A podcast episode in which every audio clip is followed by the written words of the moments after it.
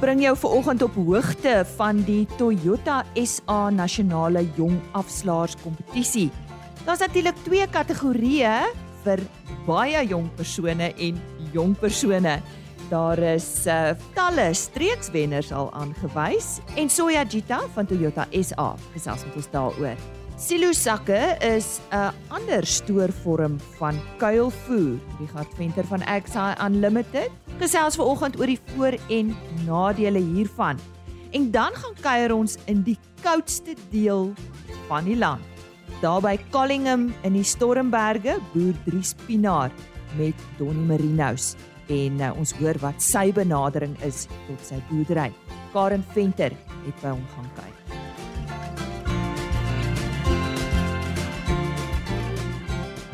Dis waarna jy kan uitsien vir oggend op RC Landbou môre. Ek hoop dit gaan met jou goed. My naam is Lise Roberts. Soos beloof gesels ons nou oor die Toyota SA Nasionale Jong Afslaers Kompetisie vir 2022. Nou ek het tydens 'n vorige geleentheid al met Soya Gita, hy is senior bestuurder koöperatiewe verkope by Toyota SA oor hierdie kompetisie gesels want hulle is die vernoot. So yeah, yes, thank you for joining me this morning. To start off with, why would a company such as Toyota partner in such an initiative? Uh, no, thank you, thank you very much. Um, look, uh, the agricultural industry has been a big part of, uh, I think, uh, Toyota's history and introduction in this country. Uh, I think we we introduced, uh, we started production about 60 years ago, and uh, really from our side, uh, our initial customer base uh, was really the agricultural industry and even till this day, uh, they are very much uh, great ambassadors uh, for our products. Um, so for us, uh, we, we really uh, appreciate the, the, the industry um, and the history that it has. Mm. Uh, and in terms of the the competition, in particular, uh, we we are very excited to support the growth of the auctioneering competition.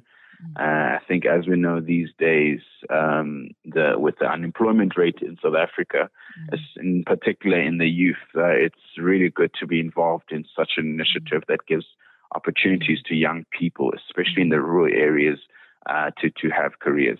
Just refresh our memories. Briefly, tell us how this competition works. Okay, I will do. Um, well, basically, we have uh, two categories in this competition. Uh, namely, we have the, the young category uh, for ages 18 to 35. And then we do have then also the junior categories for ages uh, 14 to 18 years. Mm-hmm. just to kind of expound on the, the, the, youth category, which is, of course, the 18 to 35, uh, we have uh, rounds in about four regions around the country. And each of the first and second place candidates, then, of course, win a winner Toyota hamper. Uh, in addition, they will also go to the national round, which will be held in September uh, mm-hmm. at the Nampo Cup in uh. Mm-hmm. Uh, the winner of that national competition will then be invited to participate in the International Calgary Stampede Auctioneering Competition, which is obviously an international event uh, where they obviously can then uh, show uh, their skills and represent South Africa. And then for the for the junior category, which again is 14 to 18 years old. Uh, that is held in uh, various provinces around uh, South Africa. Uh, and winners of of that uh, will then uh, participate in the National Youth Show in Lichtenberg in, in October. And of course, they do. The winners do receive Toyota hampers. Now, I believe quite a few rounds have been completed. Would you share a few highlights with us? Uh, let's start with the junior category. That's now the 14 to 18 year old. Yes, yes, yes. Um, so we've uh, we've already had a few rounds, as you mentioned, uh, completed for the junior category. Uh, we're just awaiting some uh, confirmation now for some of the winners. Um, but if I can uh, can maybe uh, name some of the winners that we've we have received, mm. um, so uh, we had Issa Marie Mayberg, uh, who won for the Mpumalanga region. So I'd like to congratulate Issa Marie. Uh, we had Vessel Grill, who won for the Northwest regions. So congratulations, Vessel. And we had Ulrich Britz, who won for the Western Cape uh, region. so congratulations to Ulrich. Well, a first lady, I believe. We're happy to hear that. Yeah, no, that's, that's it's, it's definitely a testament to to the reach uh, of the competition, yeah. uh, and I think we're very much proud of the direction it's going. Yeah, and then we have the young category. Have you got a few names there as well? Yes, no, no, definitely. Um, so for the first regional round that took place in Bloemshow and Bloemfontein, the winners were uh, Yuri Berger, who took home first place, and we had uh, Vincent Pike, uh, who took home uh, second place. Um, so congratulations to Yuri and Vincent. the second round, uh, second regional round took place in Cradock at the local Farmers Day. Uh, the winners for that round were Johan Mulman, who took home first place, and we had Andre Hasselman, uh, who took home second place. So I think congratulations to Johan and Andre. Uh, the third regional round took place in the Royal Show in Pietermaritzburg. Uh, the winners of that round uh, were Tom Hudson, who took home uh, first place, and uh, Fisoku Fehatebe, who took home uh, second place. I think also just to mention, uh, Fisoku Fe also won the junior round of the competition in 2018 and was also a runner-up of the young category in 2021. Mm. Oh, congratulations to all of those. So, what happens next, Zoya? Yeah, so so next, um, so for the youth competition, uh, we've got our fourth and final round, um, which will be held on the 13th of August at Kragtag uh, Expo in Gauteng. And of course, uh, thereafter, we'll go over to, the national, which will be held in September uh, at uh, the Nampo Cup uh, in uh, Bredasdorp. Mm. Uh, in terms of the junior uh, c- competition, uh, we are still awaiting uh, outstanding winners uh, for the remaining provinces. Uh, however, as mentioned previously, we will the, the, winners of those will then be invited to the nas- national youth competition that will be held in October um, in Lichtenburg. So yeah, thank you. Thank you very much for joining us on Aris Landbou this morning. Yeah, thank you very much. Uh, appreciate it. En so sê Soya Gita, hy is senior bestuurder koöperatiewe verkope by Toyota SA en hy het ons op hoogte gebring van vanjaar se Toyota SA nasionale jong afslaers kompetisie. As jy nou hier by ons aangesluit het, baie welkom. Jy's ingeskakel vir RSG Landbou. Dis net hier op RSG vanaf 5:00 tot 6:30 van my kant af, Maandag tot Donderdag. Dis natuurlik tyd om met Richard Venter te gesels ons maandelike gesprek en uh, ons onderwerp die afgelope tyd gaan oor stoorforme van kuilvoer en vanoggend fokus ons op silosakke. Môre Richard. Môre Lise. Ja, ons het nou gekyk na die tradisionele bankers en dan natuurlik nou na hoope of soos die Engelse sê 'n drive over pile, 'n hoop bo op die grond. Die derde gedeelte van hierdie mees algemeenste stoorforme is dan nou silosakke. Alhoewel silosakke vir kuilvoer in Suid-Afrika relatief nuut is, ehm um, dit het maar in minder as die laaste dekade sy opwagting gemaak in Suid-Afrika op groot skaal. Uh is dit egter meer as 50 jaar oud en dit kom oorspronklik uit Duitsland uit. Ehm um, nou die verliese vanuit silosakke is baie laer wanneer mense 'n paar basiese beginsels volg en ek dink dis een van die redes hoekom dit so 'n aanloklike stelsel is dit haal natuurlik baie risiko uit ehm um, en baie bestuursinsette. Die rede hoekom die verlies so laag is is omdat uh, soos in die ou dae se kuilvoertorings het jy 'n voordeel waar jy die koolstofdioksied behou. Dis 'n swaarder gas en dis 'n gas wat vorm tydens fermentasie. En dit maak dan nou die sak vol van onder af om suurstof te verwyder en uh, anaerobies of suurstofvry te word gouer. En dit natuurlik lei tot laer verliese. So As iemand al gewonder het hoe 'n mens wegkom daarmee met laer kompaksie binne in 'n silosak, laer as as as die tipiese banker nou bedoel ek, dan is dit die rede. Ons behou die die koolstofdioksied. Uh waar met bankers moet ons dit so hard trap om al daai lug uit te trap. Ehm um, en dan die vereiste is natuurlik 'n paar basiese beginsels, maar net die grond moet voorberei word want die sakke moenie stikkend gesteek word deur sê net maar klippe of stokke nie. Ehm um, wanneer die sak dan nou vol is, moet hy dadelik verseël word dat ons kan begin om daai CO2 koolstofdioksied op te bou en te bou.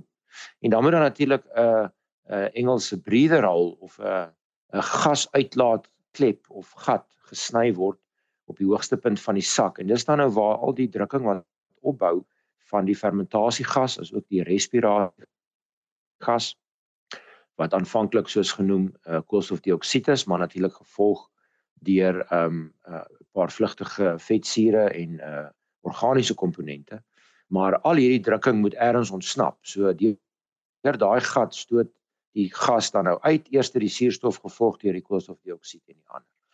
Ehm um, so soos ek genoem het, ek dink dis 'n goeie uh, risikobestuurshulpmiddel. Dit haal die hele aksie van kompaksie en vorm en of bou van 'n hoop as ook die toemaak, die vaspak van seile, haal dit heeltemal uit die boer se verwysingsraamwerk uit en ons kry regtig uitstekende kwaliteit kuilvoer as ook geen buitelaagverliese wanneer ons 'n paar basiese uh, reëls volg. Nou ja, dit gaan alles oor silo sakke, daardie stoorvorm waar uh, van uh, produsente heelwat gebruik maak deesdae in Suid-Afrika. Waaroor gesels ons volgende, Richard? Volgende kyk ons na die toegedraaide bale of die Engels wrapped bales. Boere ken dit as hierdie wit plastiek toegedraaide bale. Nou, ehm um, dis nie in alle areas van die land ewe algemeen nie, maar ons moet besef dat jy kan enige rietvoer as jy hom nat sou baal, nat genoeg dat hy kan kuilvoer word en fermenteer, kan jy bloot met 'n baler maak en hom dan wrap of toedraai met hierdie spesiale plastiek. Dan word hy kuilvoer. Uh, die Engelsman noem hom haylage. Haylage is eintlik maar net 'n droë kuilvoer en is 'n tradisionele hooi gewas wat in 'n baalvorm aangebied word. En dit kom eintlik uit die lande uit waar hulle nie regtig die son het wat ons het om hooi suksesvol droog te kry nie. So dan maak hulle hierdie nat bale of Ja, dis waaroor ons volgende gesels met Richard Venter volgende maand. Richard is natuurlik van Agsai Unlimited. Indien jy graag met hom wil gesels, e-pos hom by Richard dis 'n DT aan die einde by agsai.co.za.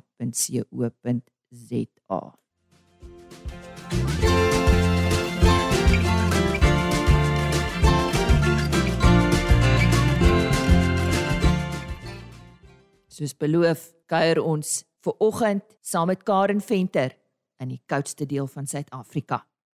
Goeiemôre luisteraars. Ek hoop dit gaan baie goed met elkeen van julle en as dit bibberkoud daar by julle is, dat daar 'n lekker warm stomende beker koffie langs jou is. Ek het so 'n paar dae terug in die Stormberge gaan kuier en ek is seker die meeste van julle weet dat dit regtig koud raak daar en dat 'n mens soms verwag om ysbere daar te sien rondloop. Gelukkig was daar 'n effense breek in die weer tydens my besoek op een van die plase daar so 16 km van Multino af. Kom ons luister 'n bietjie by wie het ek gaan kuier en waaroor het ons gesels.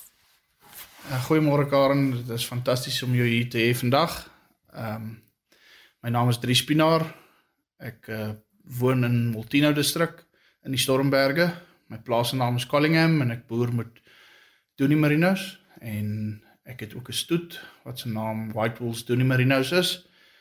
En ek is so 8 jaar al aktief besig met die stoet en alles in en om die stoet.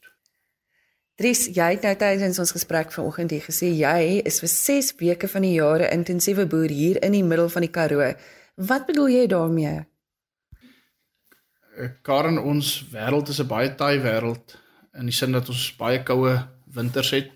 Uh uiterse koue temperature. En dit het ons genoodsaak om om bietjie meer te intensifiseer wanneer dit kom by ons by ons lam praktyke. So waar ons in die verlede dit kon bekostig om buite in die veld te lam, uh druk die ekonomie van skaal en die ekonomie van die wêreld ons al hoe meer in die rigting om meer lammers te moet grootmaak per hektaar.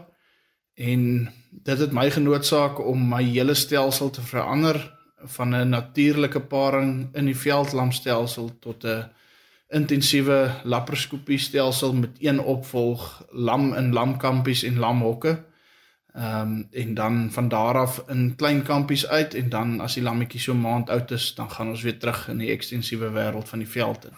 So lank en die kort daarvan is ons is gedruk om om meer kilogramme per hektaar te produseer en dit het ons genoodsaak om vir 6 weke, 3 weke voor lam begin ons met die ooi se voorbereiding met 'n uh, addisionele byvoeding en en daarna 3 weke nadat kyk ons nog mooi na haar en die lam en dan gaan sy uh, uit in die ekstensiewe wêreld en en maak haar lam daar groot. Trisna, wat is die beginpunt as jy so intensiewe uh, lamstelsel wil in, implementeer?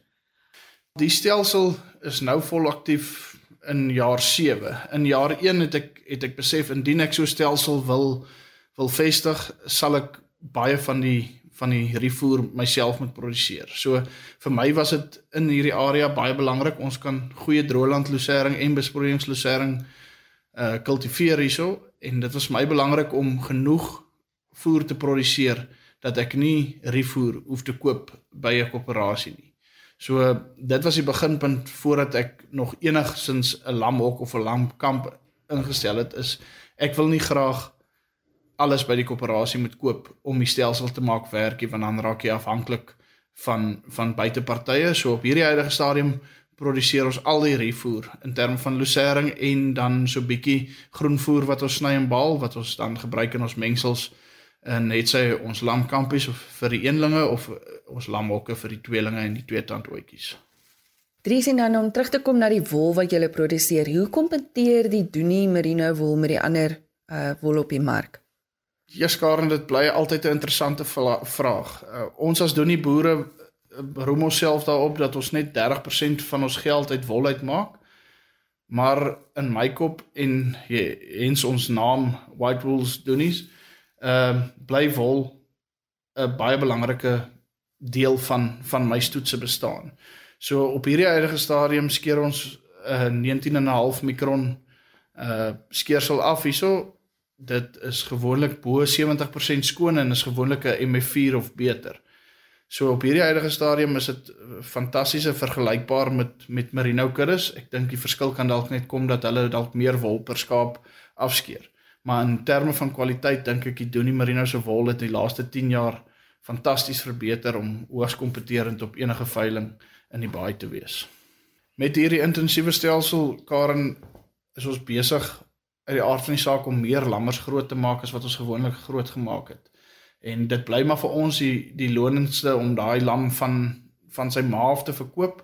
So ons speen die dag as hy op die trok klim en in verskillende troppe kan dit verskil.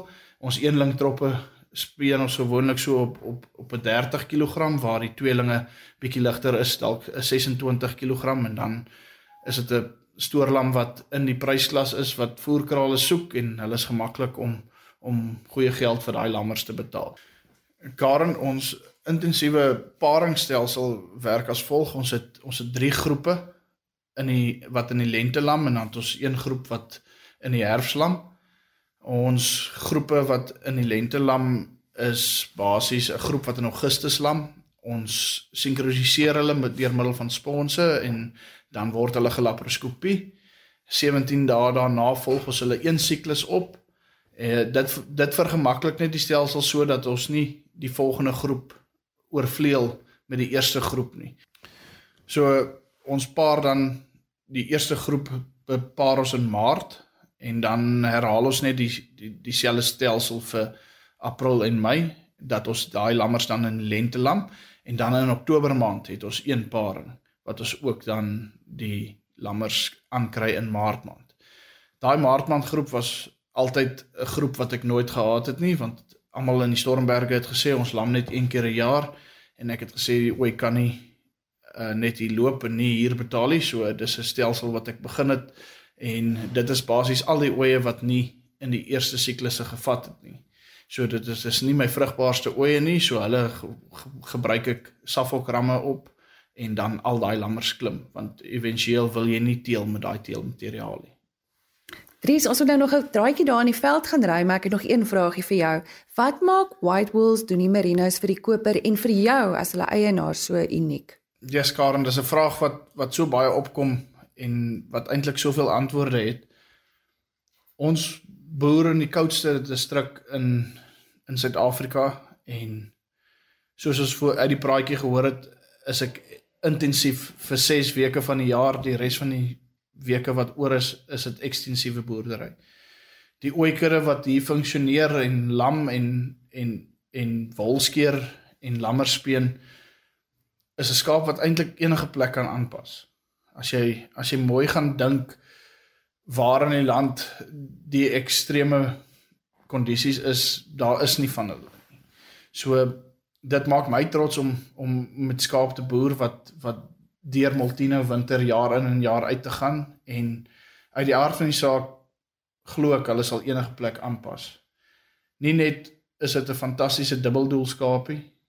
Ons kan kompeteer in enige dubbeldoel geselskap met die ongelooflike wol wat ons op hulle het, maar dan het hulle nog steeds die vermoë om vir jou 'n wonderlike stoorlam te produseer. En dis wat dit uniek maak. Hulle maak in die wêreld waar ek werk, maak hulle absoluut die verskil op rand en sent. Dries, dan nou net so op 'n laaste noot. Ek het gehoor jy was onlangs in Patagonië gewees. Wat het jy daar gaan doen? Dit was 'n ongelooflike ervaring. Um ek was deel van 4 mans wat wat oorgevlieg het om die eerste Doenie Merino lammers van Suid-Afrika af te gaan klas daar. Hulle is nou al 'n jaar oud gewees by die boer. Um ons was Wikus Becker van Crooks Doenies, myself, Jan Joubert van BKB en Frans Jooste van Jinko Repro. Dit was 'n ongelooflike ervaring om te sien hoe mense so ver verwyderd van ons so dieselfde as ons kan wees. Uh ek wens ek kan my familie eendag terugvat. Dit sal seker die toppunt van 'n familie uitstappie vir my wees. Wat ek net daar agter gekom het is dat almal in die wêreld wat in die landbou werk 'n fyn draadjie het wat ons almal aan mekaar verbind. En hoe swaar dit dalk hier in Suid-Afrika in ons kop vir ons klink, is daar soveel ander mense wat presies dieselfde goed as ons ervaar in ander lande wat ek tot 'n maand, maand en 'n half terug nie eens gedink het bestaan nie. So as jy wil gaan kyk uh op White Wolf se Instagram handle is daar 'n uh, Patagonia knoppie waar ek elke dag 'n storie gedeel het van waar ons was. Ehm um, ja, dit sal wonderlik wees om enige terugvoer daarvan te kry. Dries, ek is nou so nuuskierig. Hoe lyk dit daar? Ehm um, watse taal praat die mense? Hoe lyk hulle skape? Watse skape boer hulle mee? Toe die skaap in Patagonië aangekom het, het dit van die Falkland eilande afgekom en dit was grootendeels Corriedales geweest. So hulle boer grootendeels hy met Corriedales op die stadium. Maar hulle ondervind dat hulle nie hulle wol verkoop kry nie want die Corriedales se wol is baie sterk en is dit dat hulle genoodsaak is om met doenies die wol fyner te kry en daar's 'n klomp faktore hoekom hulle doenie gebruik. Die mense praat Spaans. Uh die platlanders verstaan nie Engels nie. Ons het basies 12 dae met 'n tolk gespandeer. Maar ehm um, hoflike mense, fantastiese gasvrye mense, baie skaapvleis, hulle geniet hulle produk. Interessante 'n brokkie inligting is waar ons 'n lam uh, min of meer 22 kg op die hak het as hy geslag is, slag hulle 'n lam dan is hy 10 of 11 kg op hak. En oral waar jy kom is dit eh, soortgelyk aan 'n spitbraai. Elke restaurant het skape wat regop op staan wat spitbraai. So hulle is absoluut lammal. Mens wens so ons Suid-Afrikaanse boere kan ons lam bemark soos hulle Patagoniese lam bemark. Ehm um, die topografie waar ons was is vir my baie soortgelyk aan die Stormberge. Dit lyk so suur area.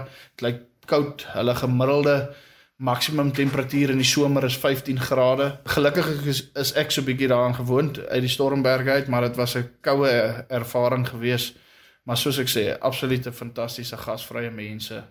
Karen het vir my vroeër gevra as die skape so goed oorleef hierso, hoe oorleef jy as boer hierso? Ek uh, volstaan dat ek nie sonder my vrou en my agastoof kan oorleef nie. Maar as daar enige iemand is wat luister wat my wil kontak, kan jy gerus vir my per WhatsApp kontak op uh, 083 35 36 408. Jy kan ook op ons handle kyk op Facebook White Wolves Doenie Marinos en op Instagram is ook ook White Wolves Doenie Marinos. En dit was die stem gewees van Dries Pinaar hier in die Stormberge en ek is Karen Venter van Plaas Media. Baie dankie Karen. Ja, wat sal ek sê? Ek dink nie ek is gemaak vir daai koue nie. Nou ja, dis dis dan vandag se program. Dankie vir jou tyd en uh bly maar warm waar jy ook al is. Ek weet daar is talle dele van ons land wat tans bibberend is. Onthou RSG Landbou is op rsg.co.za beskikbaar. Daaronder potgooi is die volledige RSC landbouprogram. Alternatiefelik natuurlik www.agriorbit.com besoek gerus daardie webtuiste heelwat ander landbou nuus en ons onderhoude word daar afsonderlik gelaai. En dan stuur vir my 'n e e-pos na rsglandbou@plaasmedia.co.za. Ek gesels weer môre met jou. Totsiens. RSG Landbou is 'n plaas media produksie met regisseur en aanbieder Lize Roberts en tegniese ondersteuning deur Jolande Rooi.